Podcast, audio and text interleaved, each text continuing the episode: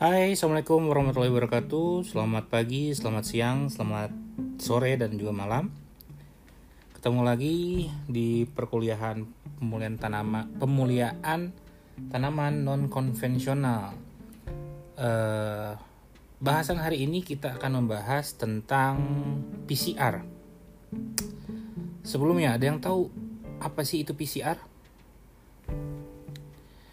PCR itu adalah suatu singkatan dari polymerase chain reaction atau uh, reaksi polimerase rantai polimerase. Sebelum kita masuk ke makna dari PCR itu sendiri, kita coba ingat lagi, uh, kita coba uh, bayangkan lagi pembelajaran genetika yang sudah kalian dapatkan sebelumnya bahwa suatu gen dalam suatu makhluk hidup baik itu tanaman ataupun hewan itu sangat rentan sekali terhadap uh, suhu ekstrim. Maksudnya apa? Suatu DNA, suatu uh, kromosom itu akan sangat terpengaruh oleh adanya uh,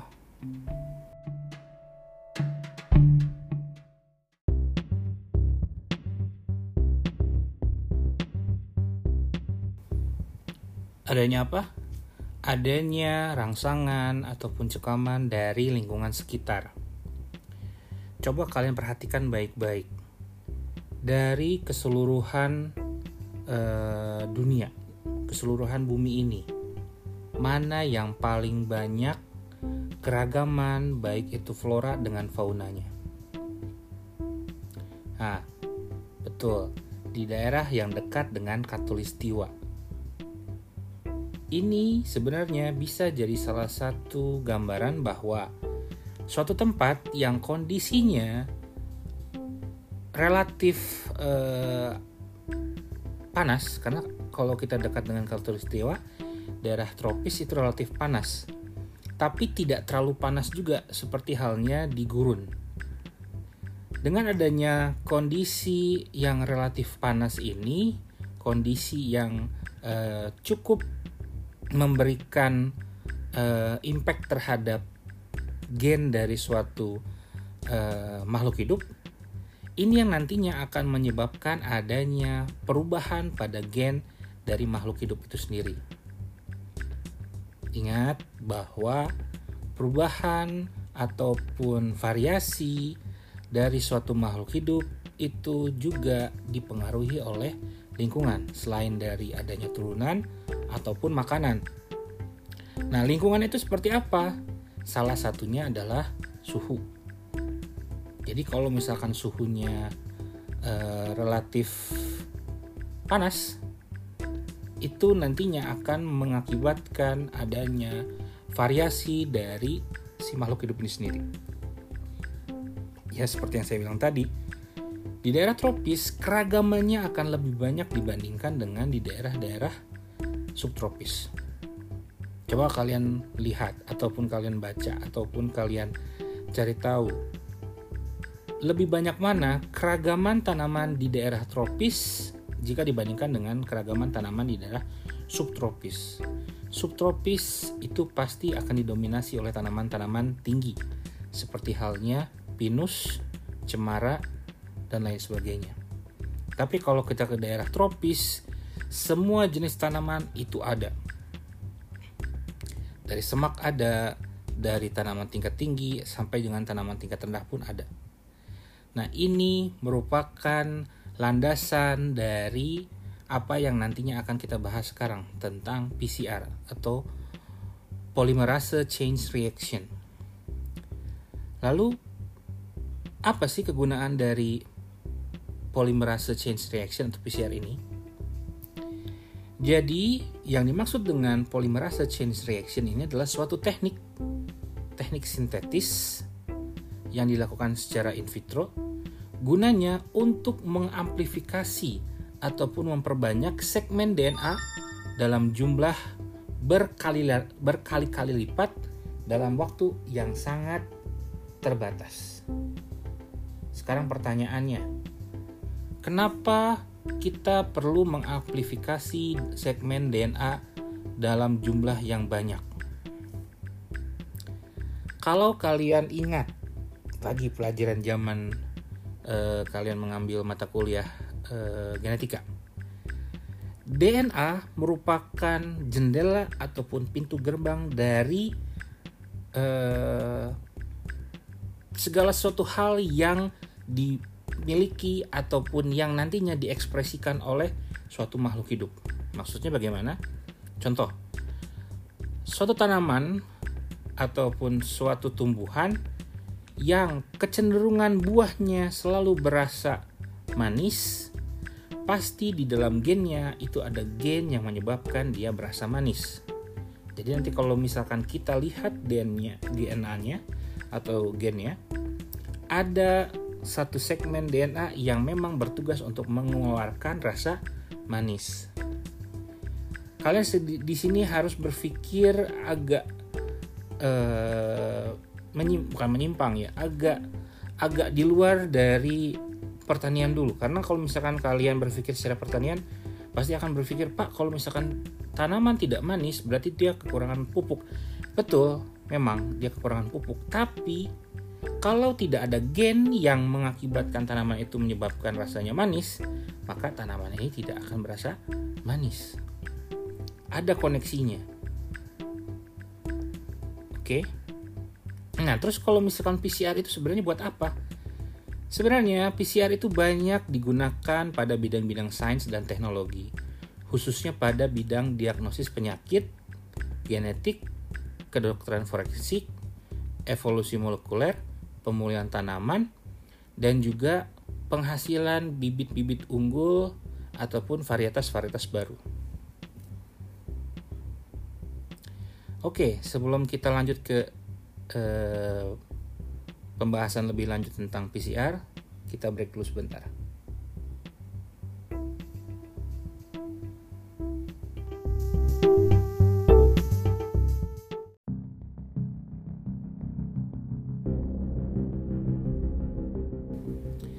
Ya, oke kita lanjut ya.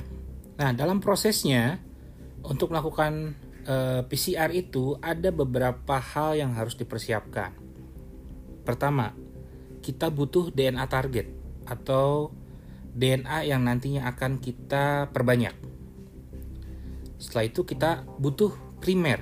Nah, primer ini gunanya adalah sebagai alat fotokopinya yang memperbanyak DNA targetnya. Berapa banyak primer yang kita butuhkan? Kita butuh dua, sepasang. Karena apa? Ingat bahwa dalam proses eh, pengkopian DNA itu sifatnya uh, forward and reverse, maju dan mundur. Nanti akan saya jelaskan itu seperti apa. Lalu setelah itu kita butuh uh, eh, DNTPs atau deoxynucleotide triphosphate. Setelah itu kita butuh juga buffer PCR. Uh, dan yang paling penting dalam proses ini adalah kita butuh enzim polimerase. Nanti secara detailnya akan saya jelaskan kemudian. Oke, dalam melaksanakan uh, eh, PCR ini ada beberapa tahapan yang harus dilakukan. Pertama, ada yang dinamakan dengan tahapan pra denaturasi DNA template. Penyiapan maksudnya di sini. Yang kedua, ada yang disebut dengan denaturasi DNA template. Yang ketiga, ada yang dinamakan dengan penempelan primer pada DNA atau pada template DNA yang juga disebut dengan annealing. Yang keempat, ada tahapan yang disebut dengan pemanjangan primer atau extension. Yang kelima, ada yang disebut dengan pemantapan atau post extension. Tahapan 2 sampai dengan 4 ini dilakukan secara berulang atau siklus. Kenapa? Karena nantinya dari tahapan ini, ini yang nanti akan menghasilkan banyak kopi DNA dari DNA target kita.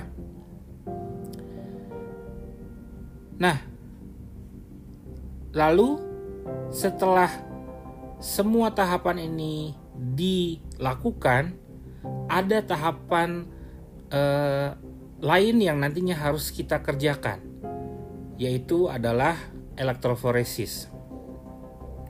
Oke, kita bahas satu persatu. Tapi kalian sambil kerjakan juga eh, pelaksanaan PCR secara virtual di link yang saya sudah berikan di Google Classroom. Jadi kita kerjakan bersama-sama. Oke, kalian buka dulu. Sambil kalian buka, kita break sebentar.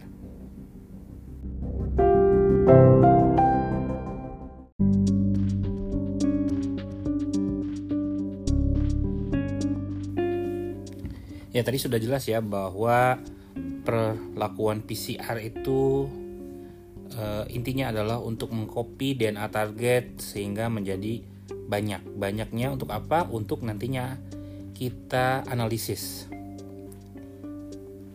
Lalu setelah tadi saya sudah jelaskan kegunaan dari primer itu apa, saya sekarang berlanjut uh, ke gunaan dari DNTPase atau deoxynucleotide triphosphate.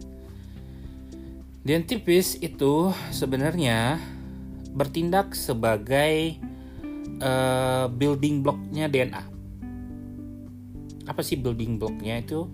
Building block itu ya seperti istilah yang sudah disampaikan building block itu adalah uh, bahan penyusun DNA. Di saat primer bertugas sebagai alat fotokopinya. Dalam memfotokopi DNA target, dia butuh bahan untuk menghasilkan kopian DNA target. Nah, kopiannya dapat dari mana? Dapat dari DNTPase. Dan dia nanti akan mengikat pada masing-masing primer. Oke, sekarang lanjut ke buffer PCR dan juga MGCL2 atau uh, magnesium klorida ya. Buffer PCR itu merupakan uh, suatu medium tempat di mana proses uh, eh, PCR ini berlangsung.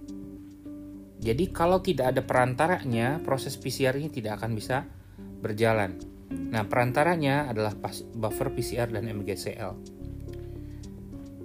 Ini yang nantinya akan mempengaruhi keberhasilan dari proses PCR.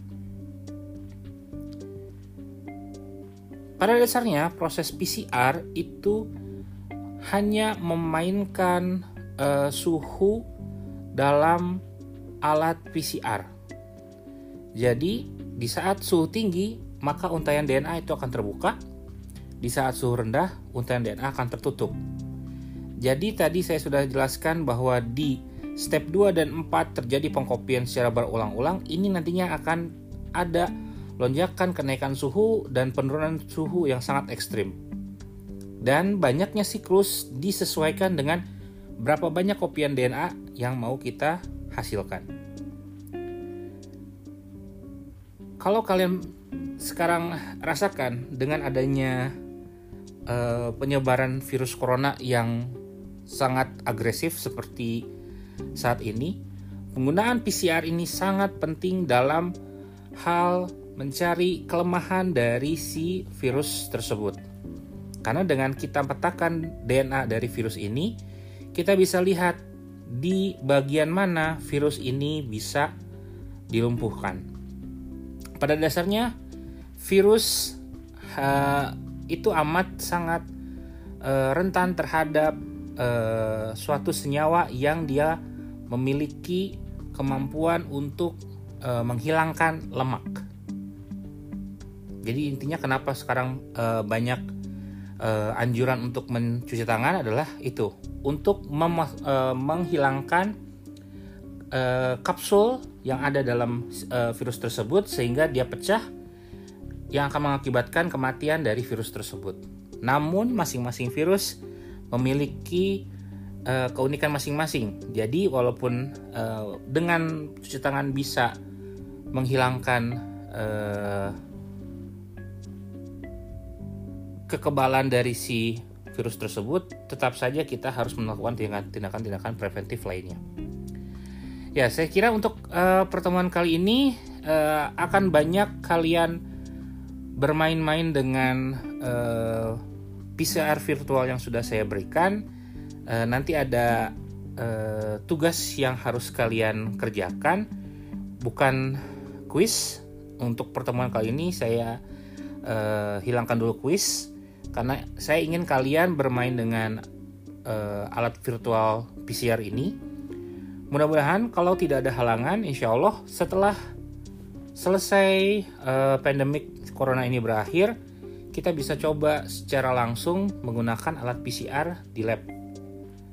Saya kira itu aja untuk saat ini. Kita ketemu lagi nanti minggu depan, mungkin hari Rabu, untuk membahas tentang uh, lanjutan dari proses PCR.